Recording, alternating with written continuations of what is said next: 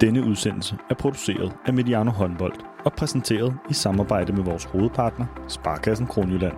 Mange af os oplever, at verden buller afsted. Men hos Sparkassen Kronjylland tager de sig tid til det, der tæller. Tid til at gøre sig umage. Det forsøger vi også på Mediano Håndbold. Sammen med Sparkassen Kronjylland tror vi på, at tiden vi investerer gør forskellen. Rigtig god fornøjelse.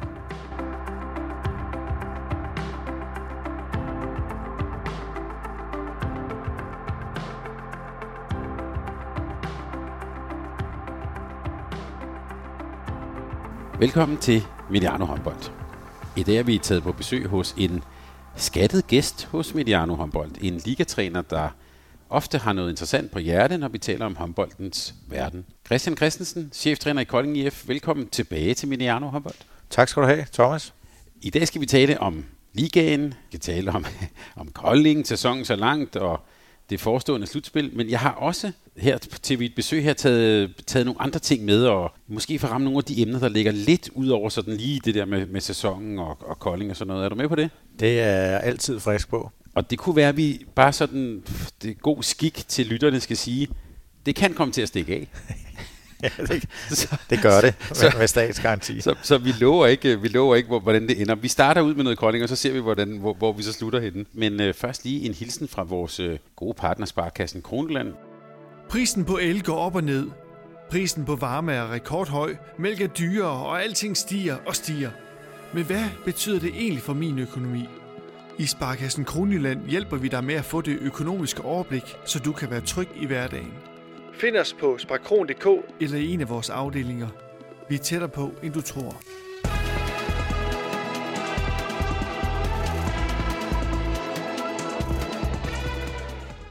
Christian, sidst vi mødte hinanden, der sad vi i Kolding i Sydbank Arena, kort før de afgørende kampe i den nederste del af ligaen. Det hele endte godt. Ja. Og det hedder stadig Sydbank Arena. De har nemlig forlænget deres sponsorat. Ja, godt, så har vi også lige nævnt det. Godt, ja. Mange penge men, men Christian, altså, øhm, øh, jeg, jeg så sådan noget, noget, noget levende billeder af, også af dig lige derefter. Det, det var, man skulle ikke være sådan en øh, kæmpe psykolog for at se, at det var også... Øh, Altså, det var også en eller anden form for forløsning. Hvordan ser du tilbage på den sådan periode? Øh, det er voldsomt. Altså, jeg får stadig gåsehud, og hårene stritter. Øh, de hår, der er tilbage på hovedet. men men øh, det var emotionelt vildt øh, på den måde, at vi var ude og inde, og det hele gik jo op i en højere enhed på få sekunder til sidst, som vi har snakket om. Øh, vi har også snakket om, at, at øh, jeg, og, og jeg tror også, at på spillernes vegne, klubbens vegne, altså vi, vi har ikke prøvet noget så voldsomt. Altså, så, så jo, min bedste beskrivelse er det, at det, det var en emotionel vild tur i, øh, i Manesien, men det sluttede på den fede måde. Og øh, derfor så, så er det også noget, der har forankret sig, og jeg tror, det, det, jeg, jeg tror ikke, jeg kommer til at opleve noget med så høj intensitet, øh, mental intensitet, som, som vi var ude i der. Øh, klubben har, synes jeg, har gjort noget, noget ganske smart øh, og gennemtænkt i, i altså simpelthen dekoreret væggen med, med spiket fra, fra Jønsson og Peter Broen og, og med en masse gode billeder deroppe øh, på kontoret. Ikke? Så vi bliver også mindet om det dagligt, men også, at, at det, var, det var noget, vi kom igennem sammen. Og det giver jo noget styrke og med til også at kunne lave en, en fortælling i, i det videre forløb og det projekt, man ligesom øh, har søsat for, ja, i de sidste par år her. Ikke? Så, så stærke billeder, og vi kan blive mindet om dem hver dag, også når, når altså, hvad skal man sige, jamen det, den er god. Øh, det er en god væg at, at møde ind til om morgenen. Men nogle gange så siger man så, altså på bagstand, så kan man spørge, hvad har vi lært af den? Men det er jo, du har selv ud på, at det er jo sådan en ekstrem, emotionel, følelsesmæssig uh, rutsjebane. Kan man overhovedet lære noget af det? Ja, altså du kan i hvert fald få, personligt kan du sådan lære, hvordan, hvordan øh, efterfølgende kigge på sig selv i forløbet. Hvordan navigerede vi, jeg, spillerne, klubben, det hele, fansene, hvordan navigerede vi under det pres, maksimale pres, som vi altid snakker om, vi kommer ud for. Øh, det, det fik vi jo sat på spidsen her. Og det, det har jeg da lært rigtig meget af. Der er der sikkert ting, jeg vil gøre anderledes, sådan helt øh, specifikt i løbet af kampene, kampens forløb, men, men det er jo ude af ens hænder. Altså, det, det, det, det, det vi også har lært, det er, at sport, elitesport er marginalt, øh, og hvad det også kan, både, det, jeg tænker, det var et rigtig godt produkt for tv, men øh, også det her med, at der er vinder og der er taber. Man kan sige, heldigvis øh, så, klarede, klarede Tvis vores modstanderne eller vores modstander i den kamp, og klarede også frisag senere hen, ikke? Så, så det var ikke helt galt, det var ikke sådan, men, men, men det var jo vind eller forsvindagtigt, ikke? Og nu, nu nævnte du, nu hænger det op på væggen der, det er jo, kan man sige, DKF Kolding ret gode til at fortælle historien også. Ja. Er, er det så noget, man kan, altså tager man det med sig? Grunden til at spørge, det er, at øh, det er jo svært at se dit hold og din klub KF Kolding, som ikke har set det som nogen, der nærmest kom flyvende ind i den nye sæson derfra. Det, det er helt oplagt, og, og når du spørger til os, hvad, vi, hvad læringen har været, jamen de spillere, der var med igennem det her, de har lært rigtig meget. Det er der ingen tvivl om, og det har de også kunne bruge, og, og det er da ikke usandsynligt. Vi har ikke lavet studiet endnu, eller analysen af det, men, men, men det de fik med i bagagen, øh, både relationelt og det der med at kunne, altså når man står så langt ude og, og gennemfører og komme i mål, det giver selvfølgelig en masse tro på, øh, på tingene også, og, og, og vi har vundet mange marginale kampe. Ja, det er jo ikke fuldstændig det samme hold, men der er jo genganger, altså mange genganger egentlig, ikke? så det er da noget af det, øh, jeg i hvert fald hører fra en spiller, så Jens Svane, vores anfører, når han skal sætte lidt ord på, så er det så noget, han snakker om, at, at, øh, at det, at vi kom ind over målstregen, det har givet både næring til mere, men også noget god erfaring. Bliver man en bedre træner af at være igennem sådan en periode? Erfaringsmæssigt, at det er jo det, er jo, det, er jo lige, det, er det her, vi leder efter som leder, ikke? Altså, eller som træner, og, og kunne navigere under pres. Vi, vi er jo jævnligt under pres, både på spillet, men også for omverdenen, for medier, for generelt øh, står vi jo i en presset hverdag som træner. Og her var vi så igen ja, ude i det maksimale. Og, øh, men, men det gælder om at skabe ro for spillerne, men det sidste, altså vi har en timeout, og vi spiller det, vi skal jo i øvrigt. Og, og, og det kan man jo lære af struktur og sådan noget. Fint nok, du kan sætte noget op. Men at spillerne vælger at lægge den ind i et web, som vi så brænder, det er jo modigt som en i pokker. Ikke? Altså, men øh, det er jo ikke noget, jeg, skal, jeg vil og skal, eller vi som gruppe. Jo, jeg synes, gruppen skal tage, tage, øh, tage de klap, der kom på skuldrene, og sige, at når man tør spille et web i så kritisk et tidspunkt, som ikke bare var et, et, øh, et, et web, altså det var et trænet web på en rundgang, hvor man går ned i bagrummet modsat fra, og Svane kom ind. Ikke? Øh, det var vel egentlig et meget godt vip, var det ikke det? Det, det var genialt. Jo, jo, det var god håndbold. Og, og, det, og det, det, jeg siger, det, det, det var, vil jeg da til hver en tid tilskrive spillernes mod. Altså, og, og det siger også, at vi som gruppe har haft noget tryghed, når man står der. Ikke?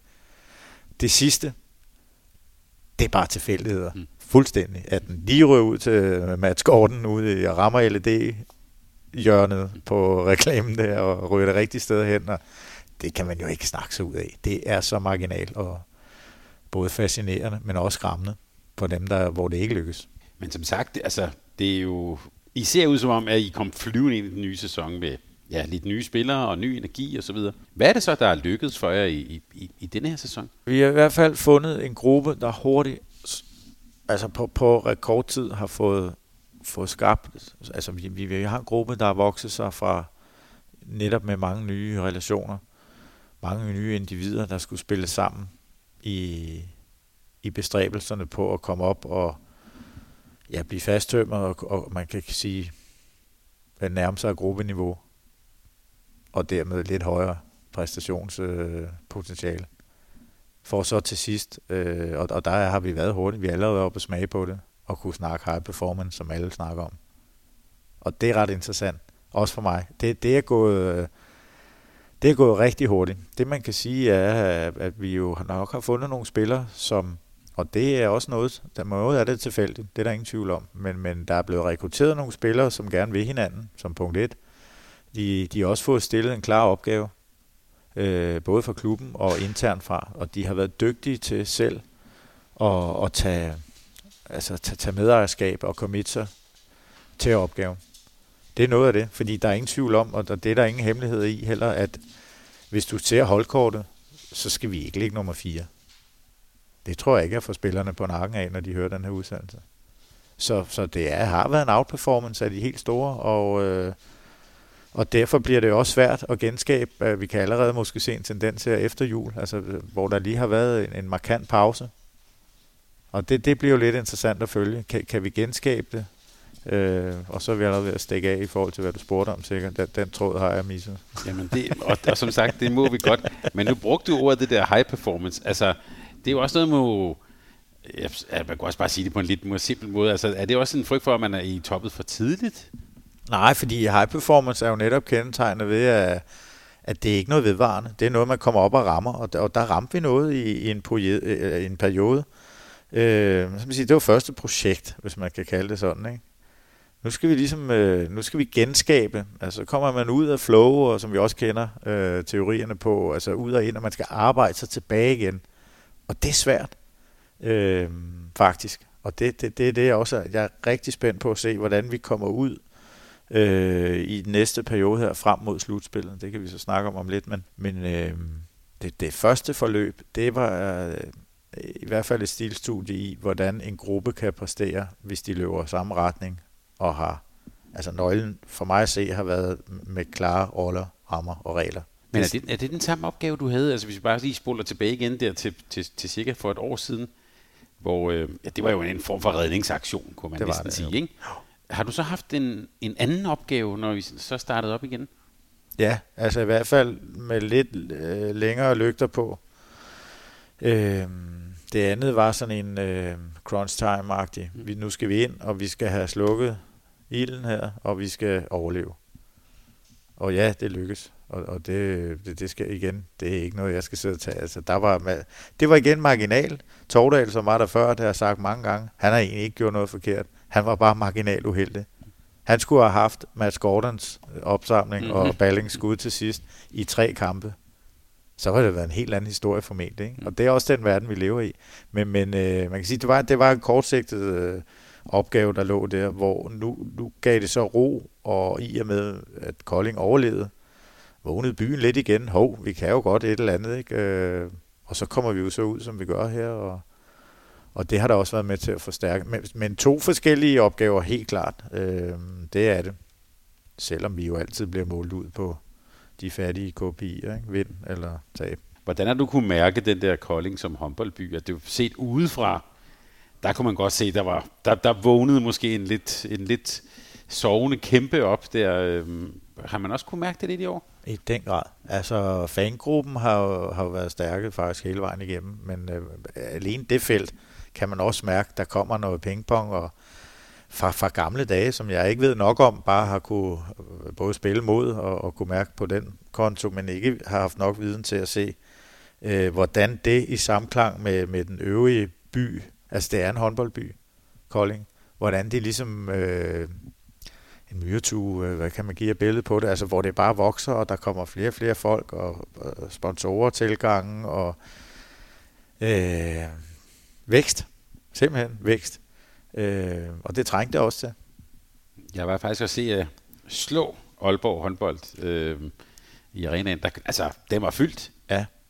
Det, og det, det kogte af håndbold. Øh, det var en lørdag eftermiddag, så vidt jeg husker. Ja, der, og, og der var vi, øh, var vi også op og, og ramme noget. Øh, lidt ud over evner. Apropos performance. Ja, ja. Og, og, og det er det, de kan. Altså, det er den der magi, som der var i Koldinghallen i gamle dage det var ikke sjovt at skulle til Kolding. Altså, det var det ikke. Fordi man vidste, at tilskuernes... Øh, ja, på lægterne, det tryk, der kom derfra, og så i, i øvrigt et, et meget kompetent hold som oftest, øh, der var det bare ikke sjovt. Der havde du næsten tabt, inden du passerede broen mentalt. Ikke? Mm. Så, så, øh, og, og det er den, man, vi er jo slet ikke deroppe på den klinge nu, men, men man kan mærke, at, at byen er ved at vågne. Øh, og, og det kan vi også mærke på, ja, både på tilslutning til de ting, der bliver lavet rundt om klubben, og ja, den generelle stemning. Og det er dejligt. Men Christian, mens vi taler sammen her, har I jo helt usædvanligt haft tre kampe i træk med nederlag. Ja. Men det har så også været, lad os også bare sige, Skjern, BSH og GUG. Ja. Hvad, ikke, men hvad er det for en periode så, som det jo har jo været usædvanligt for jer i denne sæson? For først vil jeg sige, at vi, vi sagde fra start af, at, eller det sagde jeg i hvert fald, at alle hold erfaringsmæssigt kommer ind i en downperiode i løbet af en sæson. Det havde vi ikke i den første halvdel. Der vandt vi stort set, øh, i hvert fald, og lidt mere, hvad, hvad man kunne forvente. Men, men øh, vi møder så ind i den modgang her, den, den kommer ja mod dygtige hold, men, men præstationerne har faktisk også været ikke dårlige, men, men de har været mindre gode, end de var i starten. Og, og det er jo lidt det, der faktisk har været, ikke bekymrende, men jo, for en, for en trænervinkel er det bekymrende. Øh, nu er vi kommet ud af perioden, øh, jeg, jeg vil sige lige tilbage til årsagen, den, den kigger man meget efter. Det er ikke en undskyldning, det er faktisk en forklaring, at øh, vi, vi har trænet rigtig dårligt i pausen. Og det har vi, fordi vi har haft mange væk, og vi har haft mange skadede spillere. Vi har fem væk med landshold, det er vi glade for, men øh, som træner er det også nogle gange, øh, for eksempel Erik toff ikke, som alle forventer skal ind og lave 10 mål. Han var, har været skadet og været ude og skal onboardes. Så er han der ikke den måde, vi skal træne, fordi han er med den norske landshold. Bare for at tage en case. Øh, og når han så skal ind, så fjerner du nogle af de relationer, der har fungeret rigtig godt. Og det er ikke for at skyde på Erik eller på nogle af de andre. Det er bare den der systemiske tænkning. Mm. En relation ud, hov, så sker der altså noget andet. Og det, øh, det har vi været meget, jeg har i hvert fald været meget opmærksom på det, og, og, og har måske i virkeligheden ikke været dygtig nok øh, lige til den del. Øh, det ved jeg ikke. Men, men øh, summa summarum, vi, vi har ikke været dygtige, vi har ikke trænet godt nok, og jeg synes, vi har manglet ressourcer, fordi vi har haft mange væk, øh, og vi har haft mange skader. Og det betyder, at vi har for eksempel været i Tyskland på en træningstur og fået to ordentlige snitter ikke? Øh, til LMK og Bergischer. Det er sådan i sig selv ligegyldigt. Øh, men tilbage til præstationen, det så ikke godt ud. Og øh, så er det igen, så kan man jo hurtigt, skal man ud og rejse for at spille, skal man blive hjemme og træne, og skal vi finde nogen at træne. Altså, der er mange øh, analyser i spil, ikke? men, men øh, nu har vi trænet godt, og har folk tilbage, har så lige mistet en enkelt desværre, men, øh, men har trænet godt i tre uger nu her, selvom vi har fået klø også, af, i hvert fald i skjern, blev vi rykket godt rundt, og, og også mod Gok, ikke? Bjerg Bro, og det er sådan nogenlunde hederligt. Og det kan være, at vi bare lige til, til lytterne skal sige, at i har mistet en spiller. Det kan være, at du selv lige skulle sige, hvad det, hvad det handler om. Jamen, det er jo du, Fred. Altså, Sander overjordet er, er røget øh, med træthedsbrud, så det er ikke sådan et akut slag eller noget, men det er svært at spore, uden jeg skal gøre mig til læge på nogen måde. Så, øh, ja, så, så har de i hvert fald sporet det øh, her med, med landsholdet. De har været afsted at spille mod serberne, og øh, han er formentlig ude resten af sæsonen, som det ser ud lige nu. Og det, det er en bed. Altså, det, det skal jeg ikke sidde det, det er sådan, der. Altså, det er ligaens mest øh, assisterende spiller, bedste assisterende spiller, og kæmpe aktiv i vores angreb, og også foran i vores 5-1 forsvar, når vi dækker det. Så der skal vi så til at hekse lidt igen, og det er apropos relationerne. Men vi har igen, så er det jo så positivt, og, og, og egentlig, altså det giver ro, at vi er i slutspillet. Det er definitivt. Så vi rører ikke ud og skal til at i noget nedrykningsspil Øh, vi, vi skal stadig tænke fremad, og vi skal stadig tænke positivt, og vi skal tro på, at vi kan lave nogle store resultater. Og der har vi jo så den erfaring, vi kan trække fra, blandt andet fra dem fra sidste år, men også fra den første periode her. Øh, om vi så bliver nummer 4, 5, 6 eller 7, det, det, det må tiden vise. Er det vigtigt? Ja, altså hvis vi lige siger nummer 4, hvis, hvor vi ligger nu, så, så, var, så er det et mål, vi har sat internt på holdet. Så, så det er vigtigt øh, i det lys, at man får et point med ind i slutspillet og åbner mulighederne for at lave en overraskelse. Øhm, så jo, det er selvfølgelig hammerne vigtigt. Øh, men det er 1, 4, 5, 8, der er noget med udbane, øh, eller udbane, hjemmebane fordel og sådan, der kan komme i spil. Så selvtillids wise er det super vigtigt, og så helt fundamentalt, hvis man kan blive nummer 4 for point ind, plus der er noget, der hedder Europacup, øh, både på, ja, helt sikkert på fjerdepladsen, måske også på femtepladsen, så der er masser af ting at spille for, og det er positivt. Og vi kan så sige, at det, det I står for er Midtjylland, Sønderjyske, Fredericia, og så Aalborg til sidst. Ja, og Aalborg har vi jo ikke tabt til, må vi huske, så det bliver formentlig... men, men hvad tænker du om det slutprogram så? Altså... Jeg tænker to til fire point, altså for at gerne fire. Og hvis vi, vi får fire point, så vil jeg umiddelbart tro, at, øh, at det er nok til en, en femteplads. Så, så, så bliver det lidt sjovt.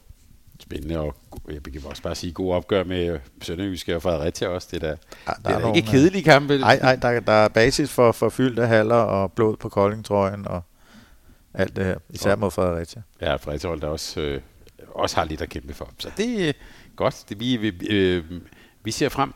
Så vi kan sige om denne sæson, det er gået godt. Øh, og så, men så der, synes jeg også lige, vi skal lige vende sådan nogle af de der andre nyheder, der har været om øh, KIF Kolding. Altså, øh, Øh, jeg ved ikke, om man kan tale om en stor udskiftning, men du kommer igen til, at, i hvert fald og, og, og i den kommende tid og kommende år, der, øh, der bliver skiftet også ud i, i truppen. Er det usædvanligt, eller er det bare sådan dagens orden i, i, i håndbold Danmark? Nej, jeg tror, og jeg vil også benytte lejligheden, mens jeg sidder med dig, og sige kommunikation. Det ved du om nogen noget om. Det er jo altafgørende her, fordi det, der ligesom løber rundt i håndboldverdenen, det er jo øh, først noget, der sker om halvandet år. Mm-hmm. Så vi, vi har faktisk jeg skulle lige historisk læse op på det, faktisk. Ja, ja, jeg skulle lige læse op på det. vi har historisk god tid jo. Øh, ja, det er rigtigt, at der ryger nogen til, til skjern. Øh, Bjarke, Vettle og Tim så næste år, fair nok, men, men øh, det, det er om halvandet år. Mm. Så vi, øh, vi har god tid til at rekruttere og, og kigge, hvad det er for nogle typer, vi skal hen og spille, og alt det her, der foregår. Faktisk øh, masser af tid.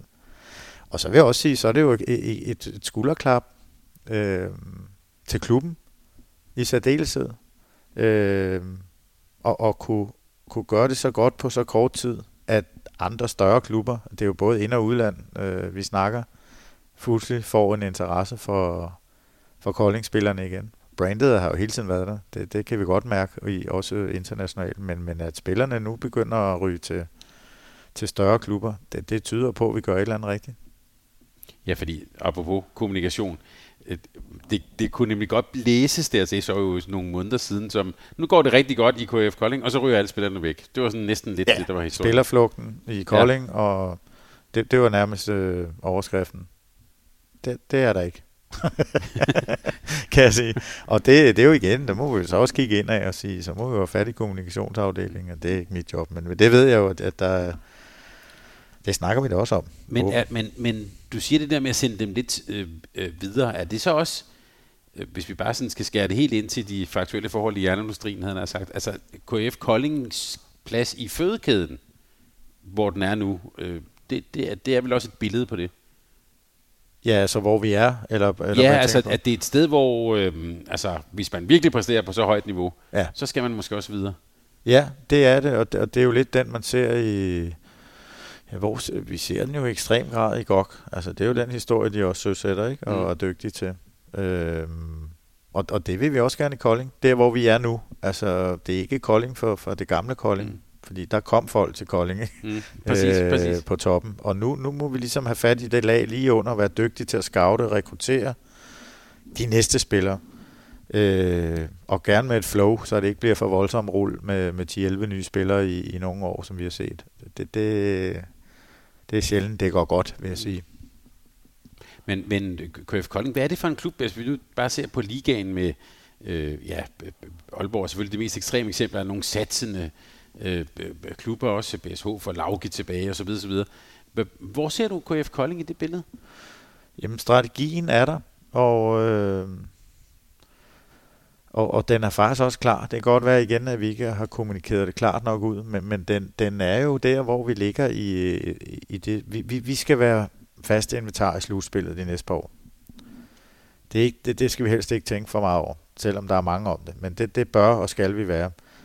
Øh, vi vil også gerne tage det næste skridt, men det er ikke næste sæson nødvendigvis. Altså, sker det fint, men vi vil gerne op og lege med Superliten, og når jeg siger Superliten, så er, er det uden øh, eliten, som lige pt. er tegnet af Aalborg og, og GOG.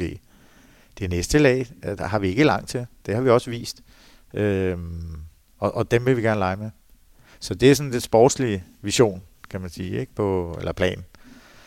Øh, og strategi nedunder er jo altid spændende at snakke også med dig om. men, øh, men, men den er, der kan man sige, det, det er gået hurtigt. Det, det, man skal ikke høre, det er aldrig en ulempe at, at vinde, øh, som vi har gjort her. Øh, men, men det er alligevel gået lidt hurtigere end forventet.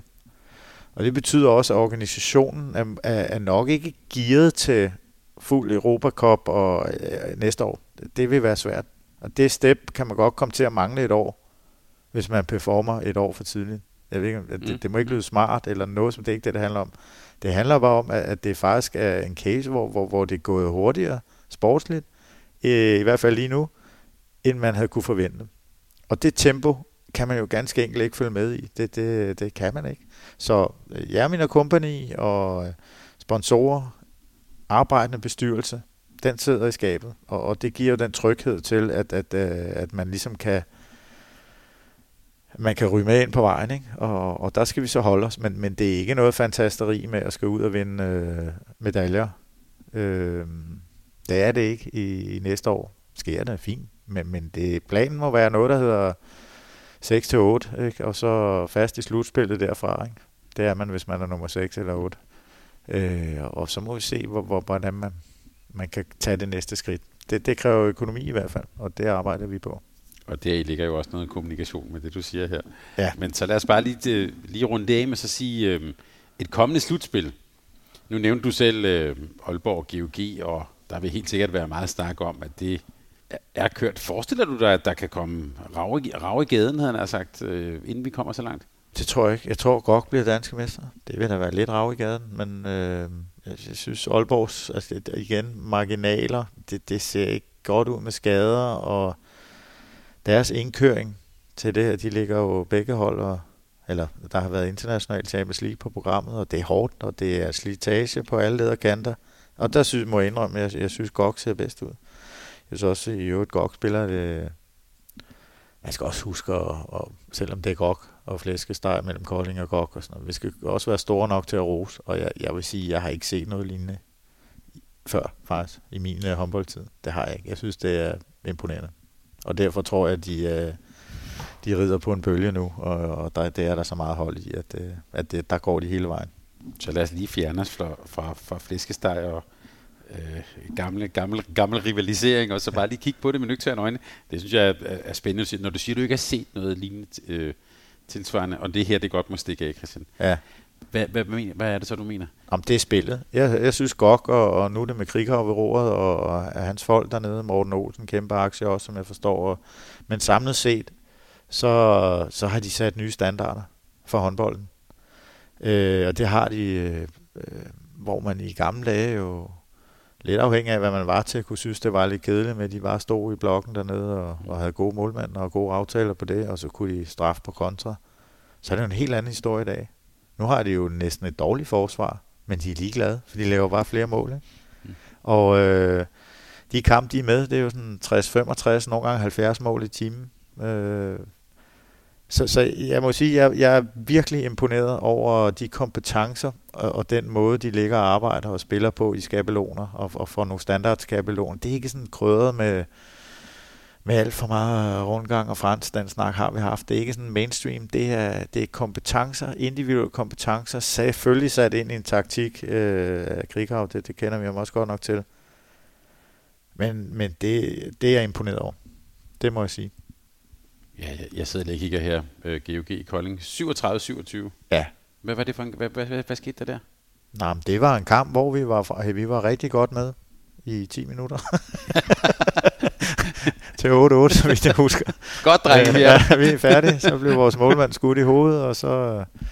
Nej, øh, nej, det var bare det var forskel på, på de to hold. Og øh, som vi også evaluerede bagefter, jamen, det, det bliver man også nødt til at erkende, når man møder en, en, en, en bedre modstander.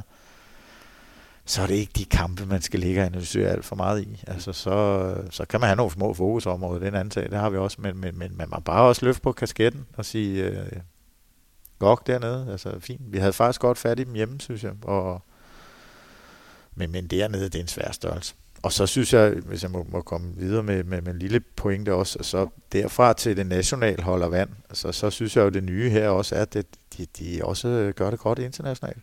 Altså, de, de, de, har, de har godt nok øh, de har sat nye standarder, både på spillet, men også på, på resultatdelen, synes jeg. Er det det samme, du, er det samme fænomen, vi ser også, når vi tænker det danske landshold?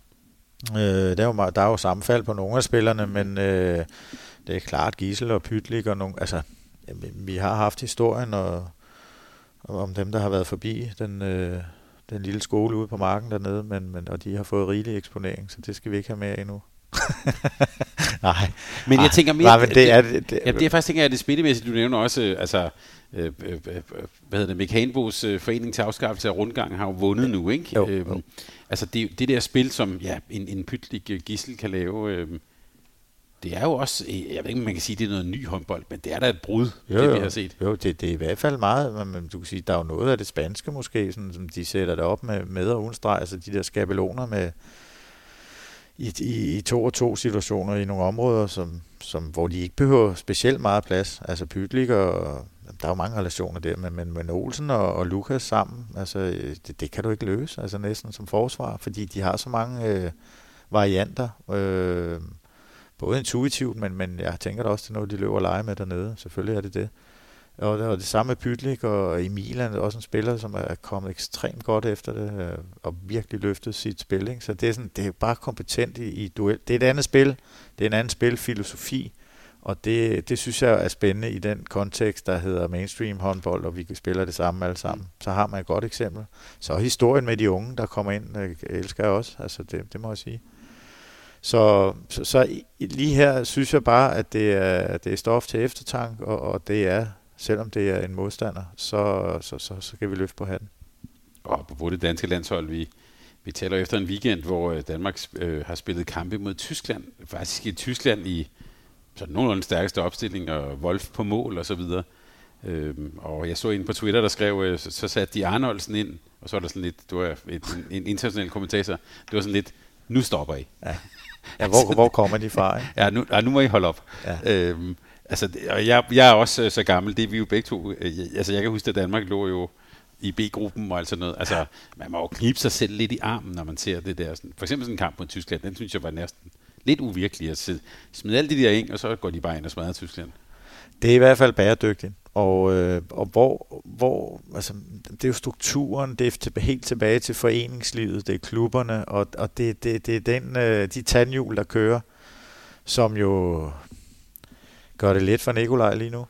Øh, jeg siger ikke, det er let på nogen måde, men, men han, har, han har meget at tage, og det, det i sig selv kan også være svært at, så skulle til at selektere så kraftigt på et A-landshold. Ikke? Og det, det siger noget om, hvor stor bredde det er. Så synes jeg, han håndterer det fremragende i øvrigt. Det, det skal ikke lyde sådan. Så, men, øh, men, men det er rigtigt. Det er, det er også en fornøjelse at se på. Så, så for produktet håndbold og for, for vores lille land her, når vi også tager damernes øh, flotte præstationer med ind, som vi også skal huske, så står vi rigtig, rigtig godt i fremtiden. Og det er vi jo glade for.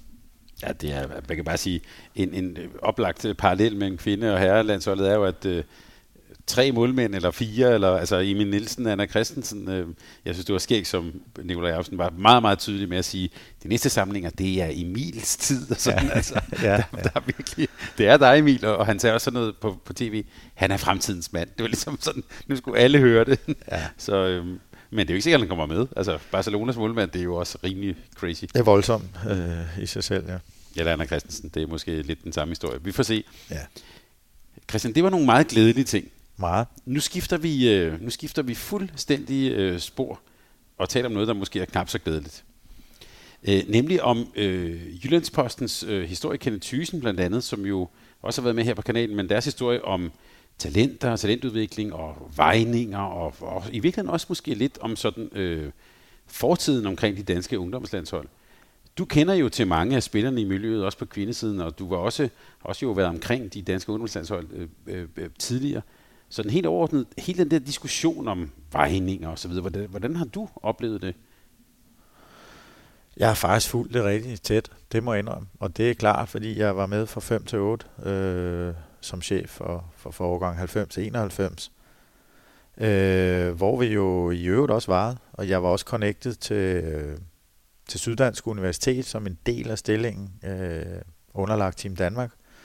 Så har jeg også set, øh, nej, jeg var ikke inde at se vejningerne, men i hvert fald vidne om, at øh, og med til at analysere nogle af de ting, der lå omkring vejningerne. Det var så, så vidt jeg, jeg kan faktisk ikke huske, hvordan de blev. Jeg kan i hvert fald huske, de havde de her 8 eller 12 punktsvejninger med, med en Team Danmark, øh, Susanne som hun hed, og, og de har sikkert også været på almindelig vægte, og ja, vi vejede dem også i, øh, i landsholdssamlinger. Øh, jeg har også den klare holdning, at, at det vil jeg stadig, stadig fortsætte med. Øh, men jeg har også hørt og noteret mig og anerkender, at, øh, at det også har haft nogle downsides, desværre. Øh, og den er jeg helt med på. Jeg er også med på lovgivningen, øh, der ligger omkring, indtil de bliver 18 osv. osv. Men derfra til at afskaffe det, der er jeg ikke. Jeg er meget på, på formidlingen og på, på tillidsdelen også. Det kan godt være, at man i dag vil gå ud. Det var en anden tid, skal vi lige huske, men, men at man vil... Eller det vil jeg i hvert fald gøre på, på en anderledes måde. Øh, øh, med lidt mere samtykke måske, altså lidt højere tillid. Der kan godt være, der er nogen, og igen, hvis tilliden ikke er der, og, og det er relationelle forhold, det er også noget, det snakken går på, så, så kan du ikke forvente en, en ung pige på, på 18-19 år stå og sige til en landstræner, at hun ikke har lyst til det. Fordi så vil hun nok også forvente, at hun er hendes, øh, øh, hvad skal man sige, hendes, hendes risiko for at komme med på, mm på holdet, øh, at den blev større. Så, så der er rigtig mange psykologiske ting, som jeg medgiver. Og, og jeg vil også sige, det er også min punktum slut egentlig på det. Jeg synes, det er stukket af. Jeg synes, det var, tog for lang tid for de involverede parter herunder Team Danmark og DOF at stille sig ud og sige, øh, hvad, hvad, hvad det her handlede om. Altså, vi kan jo ikke være uenige i dag om, at offentlige vejninger, det var noget møg. Det, vil, det, det er der forhåbentlig ikke nogen, der går ud og gør i dag. Det, det håber jeg da ikke. Øh, det vil jeg i hvert fald aldrig gøre. Men jeg vil stadig bruge vejningen til øh, et aktivt redskab i en elitesport, øh, der, der, hvor hylstret, altså hele kroppen, hele antropologien, er så stor en del af det at kunne performe. Ikke bare på et kortbane som ung spiller, men det er det hylster, de skal leve i resten af deres liv. Det er jo tømmerens værktøjskasse, som skal være i orden. Og derfor synes jeg, der er så mange upsides på en vejning. Øh, og så kan vi snakke om formidlingen og kommunikation omkring, hvordan og hvorfor. Det har heller ikke været godt nok. Det, det medgiver jeg også. Men igen, jeg vil gerne understrege, jeg har dyb respekt for det, der bliver sagt, og de folk, øh, der har været ude, og, og jeg, jeg kan kun være enig. Øh, men jeg vil aldrig fjerne øh, regningen for spillere over 18 år i dag. Det vil jeg ikke. Men bare så vi andre er med på situationen, altså, øh, så skal du næsten tage os tilbage der til midt, til midt, til midt nullerne. Altså, vi har piger på cirka 18-19 år. Ja. Øh, som jo øh, er håbefulde, dygtige håndboldspillere, som gerne vil omkring en ungdomslandshold og med til nogle slutrunder og, og så videre. Og, og, og kommunikation til dem, det er, at ligesom, det skal du. Altså, ja. det, det, det, er ligesom en, det er ligesom en del af det. Mm. Så, altså, så siger man jo ikke nej, vel? Nej, det gør du ikke, fordi så, så er vi tilbage til relation, altså magtforholdet mm. mellem træner ja, og spiller. Og, og, og det, er fyre, ja. det er jo stadig mig, der beslutter, om de skal spille, eller de mm. skal med. Og en ung pige eller dreng for den sags skyld, der har et, en, en, en, en, et brændende ønske om at komme med på, på et A-landshold på et tidspunkt, eller hvad det måtte være, øh, der, der vil du ikke få, få, få så høj tillid, at du vil få det sande svar. Det er jo det, der er problematikken, også man snakker om, og som, som de også har afdækket, hvor, hvorfor sagde de ikke noget? Det gør de selvfølgelig ikke, fordi de er presset. Men, men det er ikke så meget, altså, det, det, det, det igen, det, det er jeg slet ikke uenig i. Og jeg vil bare gerne hen til at, at nuancere. Jeg kan jo godt lave en historie på forsiden af politikken, der hed, at vi fandt ud af, at øh, drengene på en unavngivet efterskole havde så lave fedtprocenter, at vi var nødt til at gå til ledelsen for at snakke energioptag og balance i den del. Øh, det var en god historie mere økonomi til kantinen, var jeg ved at sige, til kafeteriet, eller til, til, til mad, økonomaen, og to stykker kød, eller tre, eller mere, så de fik den energi, de skulle have, øh, og dermed kunne vækse deres muskelmasse, øh, som man gerne ville. Det var en god historie. Det var også en god historie på det ungarske landshold at se en unafgivet spiller, øh, ung spiller, som deltog på begge hold, se et fald i muskelmassen, øh, i mesterskab på baggrund af vejninger. Og jeg skal lige sige, det er jo så vejninger, der kan måle muskel med. Det er ikke bare en almindelig vægt. Øh, og kunne tage action på det og sende pigebarnet hjem og, i gode hænder og øh, simpelthen var i overtræning, ganske enkelt. Og der er muskelmasse jo et redskab, altså det, der hedder FFM, Fat Free Mass, som er direkte overførbart til, der er i hvert fald en rød alarmklok, der skal ringe, hvis man tager kilo i, eller muskelmasse øh, på så, så kort tid så, så igen, jeg synes, det er unuanceret. Jeg har savnet øh, specialisterne ude og forklare også, hvad det er. Man skal huske på, at i den tid var,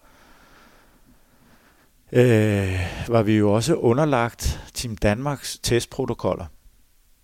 Og det var en del af den standardisering, der lå omkring den protokol, som vi jo egentlig var ansat til at udføre. Og det, det, det gjorde vi.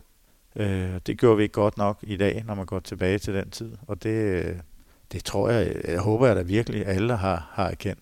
Men sådan noget som, hvis vi bare lige tager det begreb, du nævner her, fat-free mass, det giver jo, det du fortæller her er jo, tror jeg, det er svært, det, det, det er svært at sige, at det er noget vrøvl. Det er jo sådan objektivt rigtigt, og det er øh, rationelt øh, og, og klogt, og det eksempel, du nævner med den, med den, med den ungarske unge spiller, giver jo rigtig god mening. Mm. Men udfordringen er vel her at, at formidle det til nogen, der er 18 år og gerne vil afsted til en slutrunde. Ja, og, og, og, igen, når jeg siger det kompleks, så, så, så når jeg husker tilbage, så kunne vi jo sidde til nej nede på Syddansk Universitet, hvor vi havde testet. Spillerne er blevet testet igennem. De kom ind i en feedback-samtale, men, men det eneste deres øre, de var rettet mod, det var, om de var, det lå ofte i, i forbindelse med, at de skulle udtages og have svar på, om de var mm. med eller ind eller ude, i forhold til et EM eller et VM eller et ungdomsol, hvad det nu måtte være. Og som ung menneske, så, så kan man jo ikke kapere øh, respirationstal fra en, en, en, en VO2 max-test, at det er jo sort snak.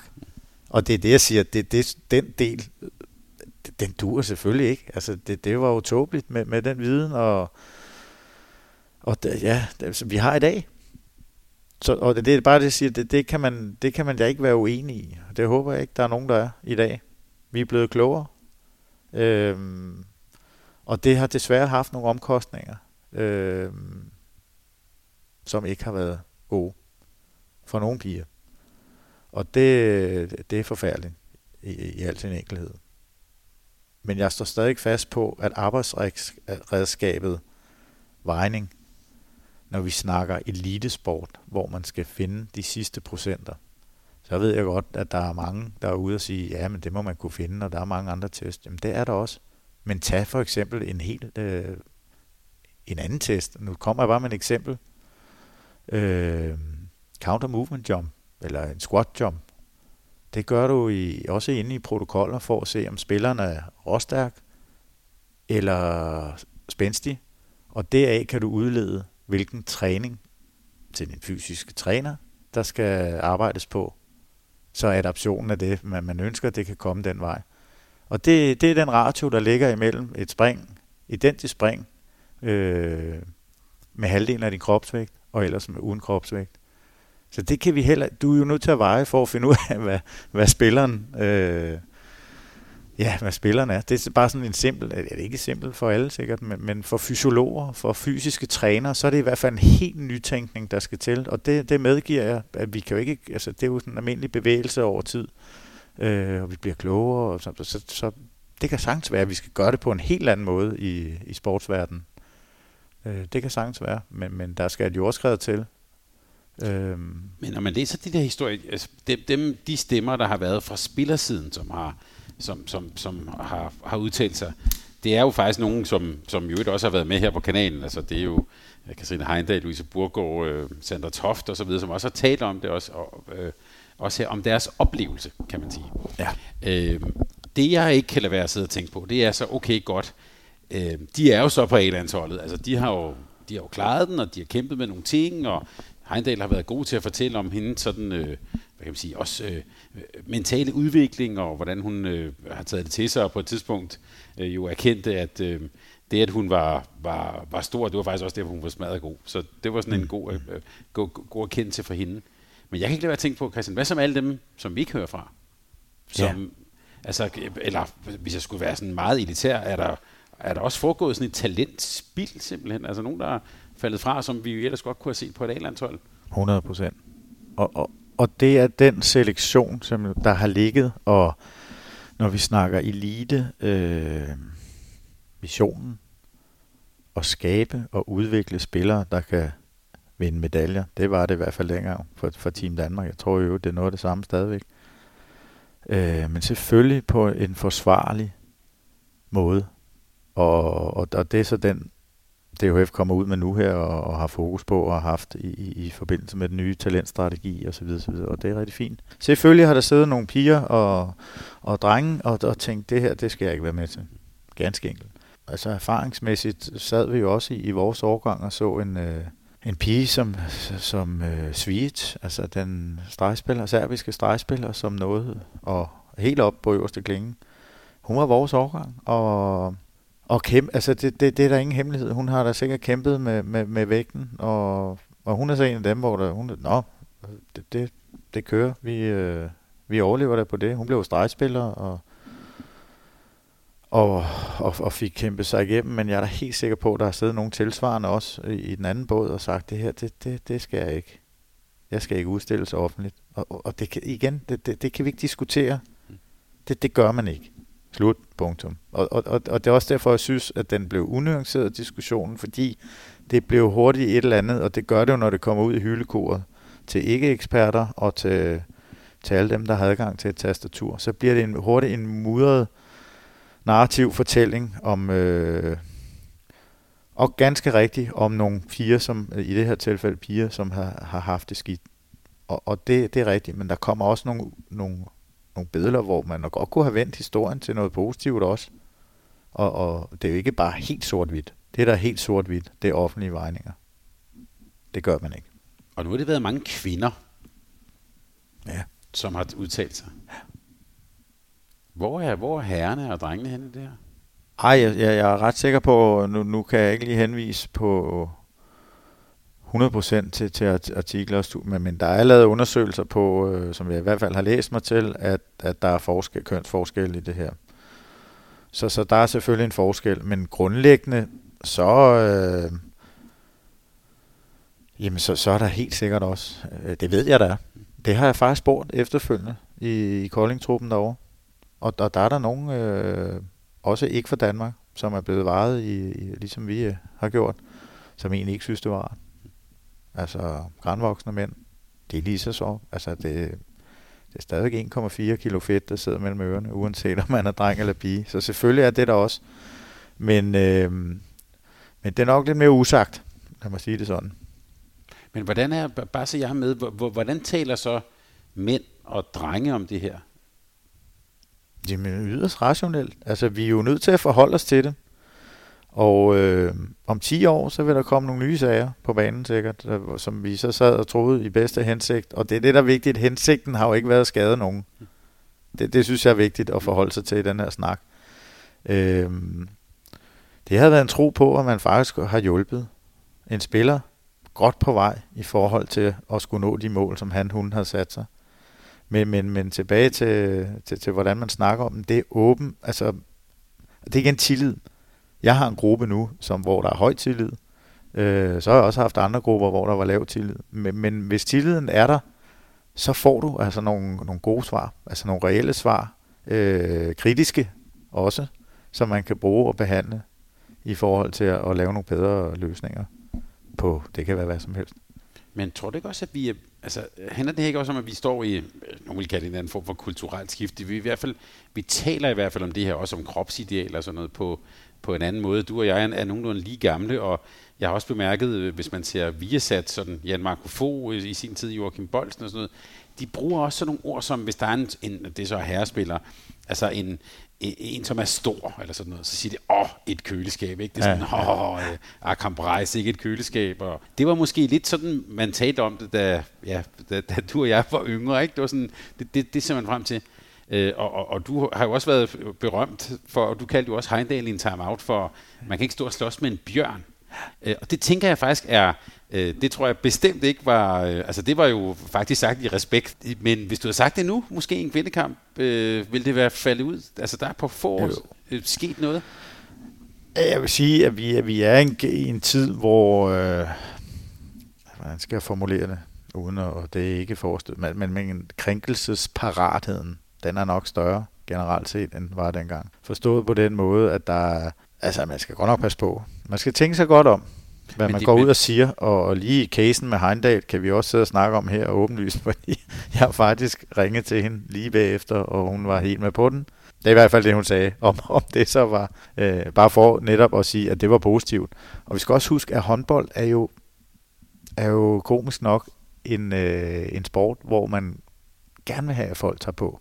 Og, og fedt skal jo bruges, igen faglighed, fedt skal bruges i omdannelsesprocessen til øget muskelmasse. Så det er ikke sådan, at vi skal have små, tynde piger rende rundt. øh, Altså, men det er jo konsekvensen. Det, jeg er med på den del. Og det er der, der er fejlet. Øh, Eller tiden er en anden. Ikke? Øh, jeg, jeg, jeg synes, det, det, det er mere komplekst end, øh, end som så. Og, og det, er, det er en det bedste bud, det er, at, at krænkelsesparatheden er større. Det er sådan, det, det, det, der lige popper op i mit hoved. Og det skal vi jo lære i at udvikle os til. Os som leder, os der står som leder i, i hvert fald og har omgangen, skal jo uddannes i at have kørekort til den aktuelle øh, psykologi, slags pædagogik, slags menneskesyn, slags livssyn. Der er mange ord på det. Det, det går vidt omkring sig. Så det, det er et stort område, Thomas, og, og jeg synes også, det er spændende. Jeg, jeg, jeg kan også godt lide at sidde og snakke åben om det, kan jeg faktisk mærke, fordi det, det bliver noget blader nogle gange også i, øh, i aviserne.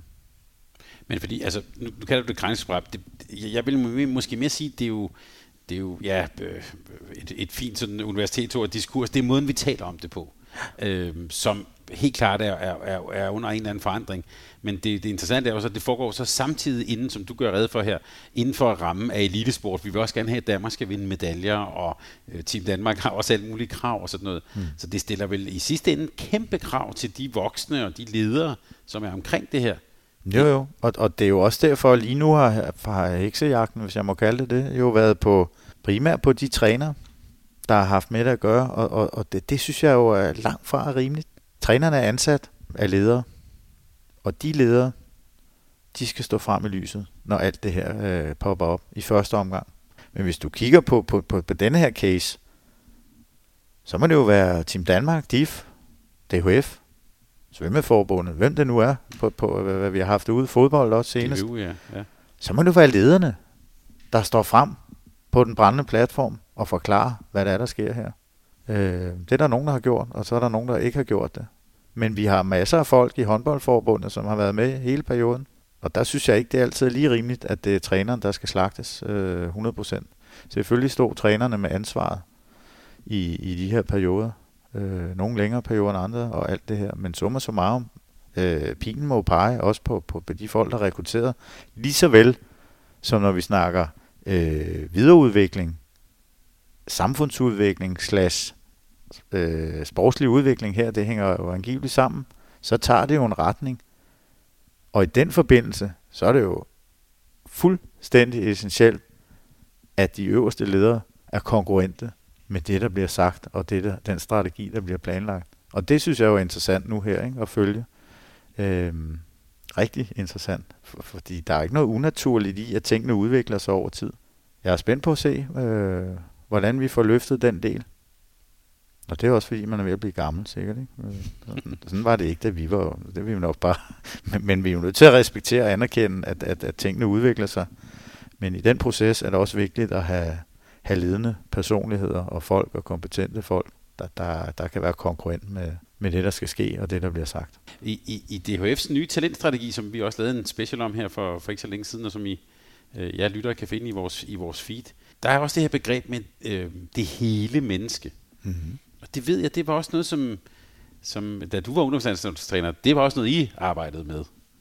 Ja, i den grad. Altså, jeg, vil, jeg vil faktisk påstå, at vi var, vi var lidt rebeller på, på, på det område. Øh, jeg, heller, jeg har ikke hørt nogen af vores piger være ude af bokser, skal jeg lige skynde mig at sige. Og ellers så, så hører jeg stadigvæk gerne fra dem. Lad det være øh, åben invitation. Nej, altså... Øh, hvordan skal jeg sige det? Altså, jeg, jeg synes, vi, hele mennesker er først og fremmest ikke noget nyt. Det, det, det bliver også, og der har du øh, journalisten, eller den fjerde statsmagt, hvis vi kan bruge det som den samlede betegnelse for, for medierne, så, så får de jo hurtigt skabt en historie her. Det hele menneske, det har kørt fra renaissancetiden længere tilbage. Altså, øh, det er der ikke noget nyt i.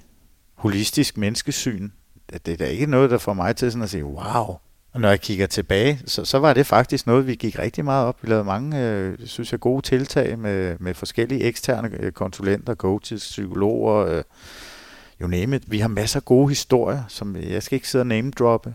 Det, det synes jeg, man skal holde sig alt for god til. Øh, men her snakker vi positive historier på, på nogle spillere, som, som med statsgaranti. Øh, det kan være, at vi kan invitere dem en dag for at, også nogle gange at, at, at, at få verificeret noget af det, vi, vi, vi sidder og siger her. Men vi har mange gode historier. Men, men øh, jeg synes, vi skal passe på med ikke sådan, at lige pludselig så er det sådan juhu-agtigt øh, hele mennesker. Jamen, det havde vi også dengang. Det er tædet, altså i, øh, i Team Danmarks øh, talenthus. Altså, der blev lavet øh, i nyere tid også en, en, en klar plan for det og en strategi. Øh, jeg kan ikke huske alle bogstaverne, men der var et T, som stod for trivsel, for eksempel. Øh, jeg synes, vi så, vi så, øh, vi så meget øh, alvorligt, eller sådan, vi gjorde meget ud af i den periode med vores spillere i hvert fald, at, at, at man, man havde et, et helt øh, spekter rundt om. Øh, noget af forskellen var, at vi havde atleten i centrum, og, og det er måske der, at man kan snakke om en ændring til nu, hvor det, hvor det bliver måske åbnet lidt mere op til, at det er mere miljøer, og det er, er primært miljøer og omgivelser, som, som man kigger på nu, hvor før havde vi mennesket i centrum, men det havde vi også i antikken i øvrigt. Så der sker noget, øh, men øh, jeg har forløbig ikke set ret meget nyt i, i det, andet end at det er blevet pisket op i... Øh, så har du talentstrategi, altså... Jeg har, det har jeg ikke. Altså hudløst ærligt, det har jeg ikke. Og jeg, og jeg tager gerne debat med, med de folk, der, der sidder på, på de poster også. Og jeg, jeg kan ikke se, at vi ikke har, har... Jeg kan godt se, at der har været aspekter rundt i systemet, hvor vi langt fra har arbejdet holistisk. Men i vores egen lille andedam, jeg skal ikke snakke om de andre. Jeg skal snakke om det, jeg ved, vi selv havde. Det er også det, jeg spørger dig Der havde vi, og det, det må, må I hjertens gerne krydstjekke med, det, med de årgange, en verdensklasse tid. Men det med det hele menneske, Christian, der ligger vel... Øh, ja, så kan det så være miljøer. Det er jo så Kristoffer Henriksens øh, tankegang og sådan, øh, den her mere økologiske måde at kigge talenter på. Ja. Men der ligger vel også i... Øh, altså er det at helt grundlæggende, er det trænerens eller talentudviklerens menneskesyn, man ser der? Øh, hvorhen, undskyld? Hvis man, hvis man taler om det hele menneske. Ja, altså, ja. Jeg gætter på, at du vil vinde medaljer lige så meget, som alle mulige andre vil. Øh, ja, for, forhåbentlig da, på, hvis kompetencerne var de samme. Altså, men, men, der er ingen tvivl om, at, at, at, at, at træneren er jo så afgørende en, en uh, figur i, i de her grupper. Uh, nu snakker vi håndbold, men, men det gælder jo i, i alle gruppesports sammenhæng. Der, der, der er man jo leder, altså, og, og skal lede tingene igennem. Så, så derfor er menneskesyn, det er jo det, vi sådan, som, som nogle gange havner ud i at snakke om. Og, og selvfølgelig øh, øh, at et, et helheds, altså et holistisk menneskesyn, øh, det, vil jeg, det, det, det vil jeg sætte på mig selv som begreb. 100 procent. Og det handler lidt om, når, når man ser en adfærd fra en spiller eksempelvis, og, og det, det kan være godt og skidt, så, så, så er der en årsag sammenhæng bagved. Det er en lidt dybere snak, men det er det, det handler om. Så kalder det livsanskuelse eller filosofi. Øh, der er mange ord, vi kan sætte på den del. Og, og det er ikke sikkert, der har været en, øh, en knivskarp øh, rekrutteringsproces, som har haft det i højsiden. Men, men jeg vil også sige igen, tiden er løbet, og man er gået fra den her med, at det skal gøre ondt at vinde medaljer, til at, at, at, at vi kigger sådan lidt mere, ja, så kaldt det holistisk på det. Ikke? Øh, men det er jo, skal jeg passe på, hvad jeg siger her, det kan jo også være et politisk øh, værktøj til ligesom at tilfredsstille omgivelserne. Fordi i sandheden er jeg ikke, altså, jo jo, jeg, jeg er jo selv holist, bilder jeg mig ind, øh, og rimelig rund og blød i kanterne. Øh, ikke i time-out, men, men ellers sådan som menneske. Det var en fin fryd, ja. Vi står jo midt i, øh, altså det, det, det går op og ned, og, øh, og medaljerne øh, har en slagside. Altså det, det tror jeg, hvis man laver et sådan krydstjek på, på dem, der vinder medaljer, så, så vil der altid være nogle downsides i, i, i sådan et forløb. Netop fordi vi, vi, vi bevæger os i ekstremer. Og, og du er nogle gange nødt til lige at komme ud over, hvad der er rationelt fornuftigt for at mærke og føle osv. Øh, det er ikke sundt på den lange bane. Og det, det har selvfølgelig en downside. Og derfor er der også det her begreb med bagsiden af medaljen, som, som vi ser. Øh, og igen, vi kan jo ikke diskutere de her Netflix-serier med, med, med rumænske gymnastikpiger og russiske skøjteløber og ledelsestil i Danmark, øh, soldaterledelse og hvad vi ellers har. Jo, altså det, det, det synes jeg ikke står til diskussion, fordi det, det, det ved vi med den viden, vi har i dag. Øh, det, det, det er ikke smart. Så, så, lad, så lad os bare lige prøve at kvalificere det lidt, så hvis vi siger Øhm, øh, amerikanske gymnastikpiger, øh, russer, rumæner, alt det vi kender, øh, vejninger og sådan noget, det hører fortiden til. Hvis vi nu bare altså, ja. lige, lige skubber det til siden, det, det tror jeg alle kan blive enige om. Men når vi så har gjort det, hmm. så tænker jeg på, er det, er det, hvis vi nu skal gå virkelig til stålet, er det også en lille smule hyggeleri af, hvad kan man sige, almindelige håndboldinteresserede, det kunne være mig selv, at tænke på, jeg vil rigtig gerne se, at Danmark vinder guld, og så synes jeg også, at de skal være glade og hele mennesker alle sammen. Er det, er det virkelig en hyklerisk? Nej, det synes jeg ikke. Altså, hvis jeg snakker begejstring, og som de gør i, i hvert fald aktuelt i, i dansk håndbold, man vil gerne begejstre, men, men, men det betyder jo ikke, at det ikke gør ondt i perioder. Altså vedholdenhed og modstandskraft og nogle af de begreber, der også øh, følger med i, i jagten på en medalje, så, øh, så nej, jeg synes ikke, man kan kalde det hyggelig. Det synes jeg faktisk ikke. Men, men, men jeg, jeg, men der er jo nogen, der skal sorteres fra. Der, det, altså... der, der vil altid være en selektion, og, og det kommer vi jo ikke udenom øh, i, i holdsport, og endnu vildere i svømning, mm. eller i hvad det måtte være, hvis, hvis, eller individuelle sportsgren. Så, så den kommer vi ikke udenom, og, og derfor vil der altid være et frafald, men vi skal gøre det holistisk. Vi skal gøre det på en ordentlig måde. Man skal have en forklaring. Man skal ikke bare have en sms om, at du er sat af, eller hvad det nu måtte være. Og, og det det lys, synes jeg, det er spændende med, med, med trods alt med, med de nye tiltag her. Men, men igen, der skal være konkurrence. Vi skal have sat noget handling på, og de folk, der skal i, i marken, der skal udføre det, skal være uddannet til det. Du kan ikke bare med et knips sige, okay, nu er vi holistiske. Og, og det, det er bare den man øver. Jeg, jeg synes, der, jeg gerne vil vinke med, med, med en, et lille flag og sige, øh, husk nu, når vi snakker roterprofiler, og det er, jo, det er jo en anden ting. Igen sidder vi her, vi har snakket om det hver gang, tror jeg. Mm. Wow, man, bruger de garoteprofiler? Ja, det gjorde vi også for 20 år siden. Øh, brugte vi så den viden? Lærte vi noget? Øh, nej, åbenbart ikke. Fordi nu er det sådan fuldstændig juhu med profiler igen. Og det er det samme, med, med, vi snakker om i indledning her, ikke? Med, med, ja, med holis, altså med hele mennesker. Ja, det er rigtigt nok. Altså, øh, personprofiler, det har der været en del og vi... Ja, ja, og vi øh, varierer, men, men, men, og det er tilbage igen til konkurrencen. Altså, act like you preach som leder. Og hvis det er Dansk Håndboldforbund, jamen så, så ligger der en perlerække af ledere derinde, som, øh, som skal sikre sig. Det er deres fornemmeste opgave, at rekruttere trænere, leder dem, der skal ud og udføre driften i det daglige.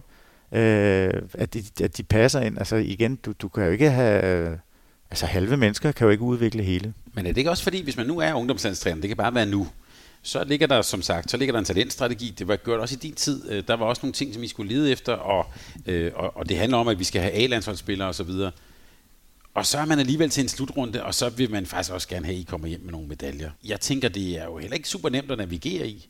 Altså det, det kan jo også gøre, at øh, altså, jeg, jeg gætter også på, at du i nogle kampe i sådan en slutrunde har spillet smalt med sådan et ungdomslandshold. Men og da, den her historie vil, vil jeg også gerne have frem i lyset, fordi det, det siger både noget om, hvordan vores egen case med det hold, vi nu snakker om, årgang 90-91, er jo et stilstudie i, hvad der også kan lade sig gøre. Måske også som konsekvens af noget bæredygtighed og noget holistisk tænkning. Fordi der var rigtig mange af de spillere, der spillede i lang tid og stadig spiller i øvrigt, der var, holdet blev lukket ned. Fik ikke gennemført de sidste. Der var noget økonomi i spil, der var noget talent, der snak og så videre, så videre. Samlet set valgte man at lukke holdet ned. Vi vandt ikke en skid. Jo, vi fik øh, OL-bronze, ungdoms-OL og, og, og vandt en, øh, en, en øh, vandt. Ja, vi blev nummer tre til VM. Det var da fint. Øh, men vi vandt jo ikke noget i forhold til, hvad, hvad, hvad de andre hold lå og vandt på det tidspunkt. Men sidst jeg lavede analysen sammen med min stab, fra dengang, der viser den også, at 60 procent, og det var under Claus Brun, det er ikke fordi det var Claus, men det er bare for at sige, at det var i nyere tid, der var 60 procent af den her gruppe repræsenteret af det endelige hold til et mesterskab. Og det synes jeg også er jo, det, det er meget tankevækkende. For det første, hvordan spotter man? Den snak har vi også haft til huløshed. Men også det her med, at, at, at, at øh, som de jo siger, Kristoffer Henriksen og dem, der, der råder og nørder i det her, psykolog, sportspsykologer, ikke? at, at, at man, man skal nok vinde på den lange bane.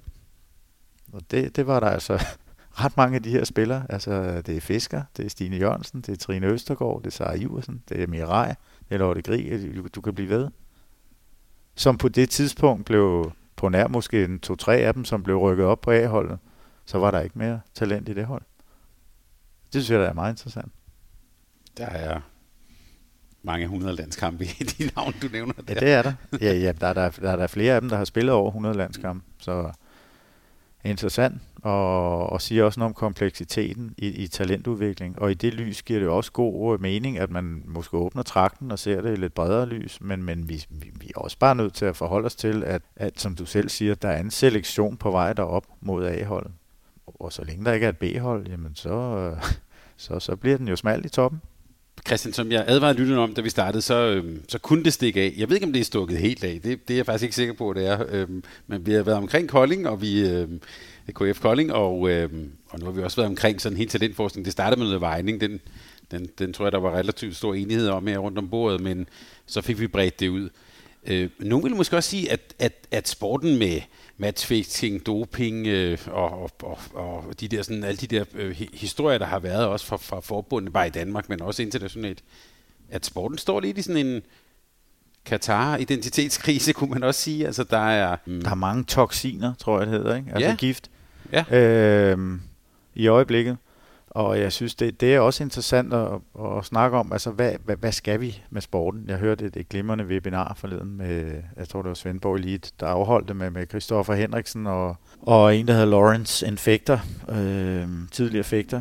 Og, og, og kort fortalt, så snakkede de jo blandt andet om det her. Altså, og jeg synes, en af dem havde en rigtig god pointe i, hvad er, hvad er sporten til for? Altså det spørgsmål, det, det må vi også stille os selv, også i håndbold. Hvad skal vi med håndbolden? Øh, vi skal begejstre. Der er jo et svar allerede klar. Og det er noget af det, der er det gode ved, ved, ved det nye strategi, der kommer ud. Altså, vi, vi, vi er netop i en, en, en eller anden form for identitetskrise i sporten, altså hvor, hvor fair play og hvor, altså det der med, da jeg stod med Midtjylland eller FCK eller et eller andet hold og, og, og, og hørte på, på Champions League-hymnen og så fair play-faget ryge op og ned, hvor man bare tænkte, hvad, hvad, det, det er jo ikke det. Hvad er det, hvad er det vi er havnet i her, ikke? på en eller anden måde? Øh, matchfixing, doping, øh, alt muligt dårlige historier, øh, sportsbashing. Øh, du har selv været inde på nogle af tingene. Så det er vigtigt, at vi finder ud af, og hvad vil vi med sporten? Ikke bare i håndbold, men sådan på et helt overordnet plan. Fordi den, den er også en del af bruttonationalproduktet, skal vi huske. Så det er jo ikke bare en eller anden lille ting. Hvad er så meningen med at, at stadigvæk beskæftige sig med håndbold, som du har gjort i mange år? Er det, er det ordet begejstring? Ja, det er det, og jeg bliver begejstret og bliver ved, og, og så længe jeg henter energi i, i samspillet med grupper. Det er det, det, så, så langt der er på mine gamle dage. Jeg er meget bevidst om, hvad det er, der driver mig. Jeg elsker mennesker. Jeg elsker at arbejde øh, sammen med mennesker og løse opgaver, øh, og gerne imod noget, noget bedre end det, der var udgangspunktet, nu når vi er inde i sportens verden. Men det kunne også være, hvis man er ude og gå til virksomheder, hvad det nu kan være. Ikke? Så, øh, så, så på den måde er det her med hele mennesker, og det, det er et spændende felt, men, men, men det, det kræver. Altså, vi, vi, altså igen, act like you preach. Vi, vi er nødt til at, at være mere synlige kommunikativt, øh, både ikke bare i håndbold, men i sportens verden. Hvor er det, vi skal hen? Og, og så synes jeg, der er for mange sandheder, der forsvinder i, øh, i stiltigende accept, kan man kalde det. Ikke? Altså sådan, der, det, vi, vi har brug for, at, at, øh, at der kommer nogle talerør ud, og derfor er det også fint, at, øh, Burgård og Heindal og på, på kvindesiden lige nu, og, og flere andre er, er fremme i medierne og har mod til det. Øh, for, fordi, at, at, at, hvor er sandheden? Det er ikke altid sandheden, der bliver beskrevet i medier. Det er det ikke, fordi det bliver for unuanceret ofte. Så jeg kan bare, jeg kan så bare lige øh, give dig den lille lovning, at uden for sportens verden er der også grupper og dynamikker, men der vil aldrig komme sådan et øjeblik, som du oplevede med KF Kolding. altså det, det, de der ting, og det er jo det, som sporten kan. At du, vi kan juble over, at vi har fået en ordre, og det er en ting, der er gået godt, og et projekt er blevet gennemført. Men den der, det der adrenalin rush, det får du ikke andre steder. Og på den måde, Christian, så har vi øh, fået lavet en rigtig god cirkel i den, i den her samtale. Det er stak i, i, i enkelte retninger, og folk, der har lyttet med, skal være meget velkommen til at, øh, og, og, og kommentere på det og sende os øh, øh kommentarer på noget, der er gået godt og noget skidt. Øh, Christian er rigtig godt bekendtskab her, og du har noget på hjerte. Det skal du have tusind tak for. Du er altid velkommen, Thomas. Det er godt. Og så vil jeg måske også bare på sin plads og så sige uh, held og lykke her de kommende kampe i slutspillet. Det kommer vi også til at følge. Dejligt. Tak fordi du lyttede til en podcast fra Mediano Håndbold. Hvis du kunne lide udsendelsen, så husk at abonnere på Mediano Håndbold, der hvor du hører din podcast. Så får du den seneste udsendelse serveret direkte til dig. Du må gerne fortælle dine venner om os, og husk at følge os på Facebook, Twitter og Instagram. Mediano håndbold kan lade sig gøre på grund af Sparkassen Kronjylland. De er med Mediano håndbold og det kvindelige danske landshold. Tak fordi du lyttede med.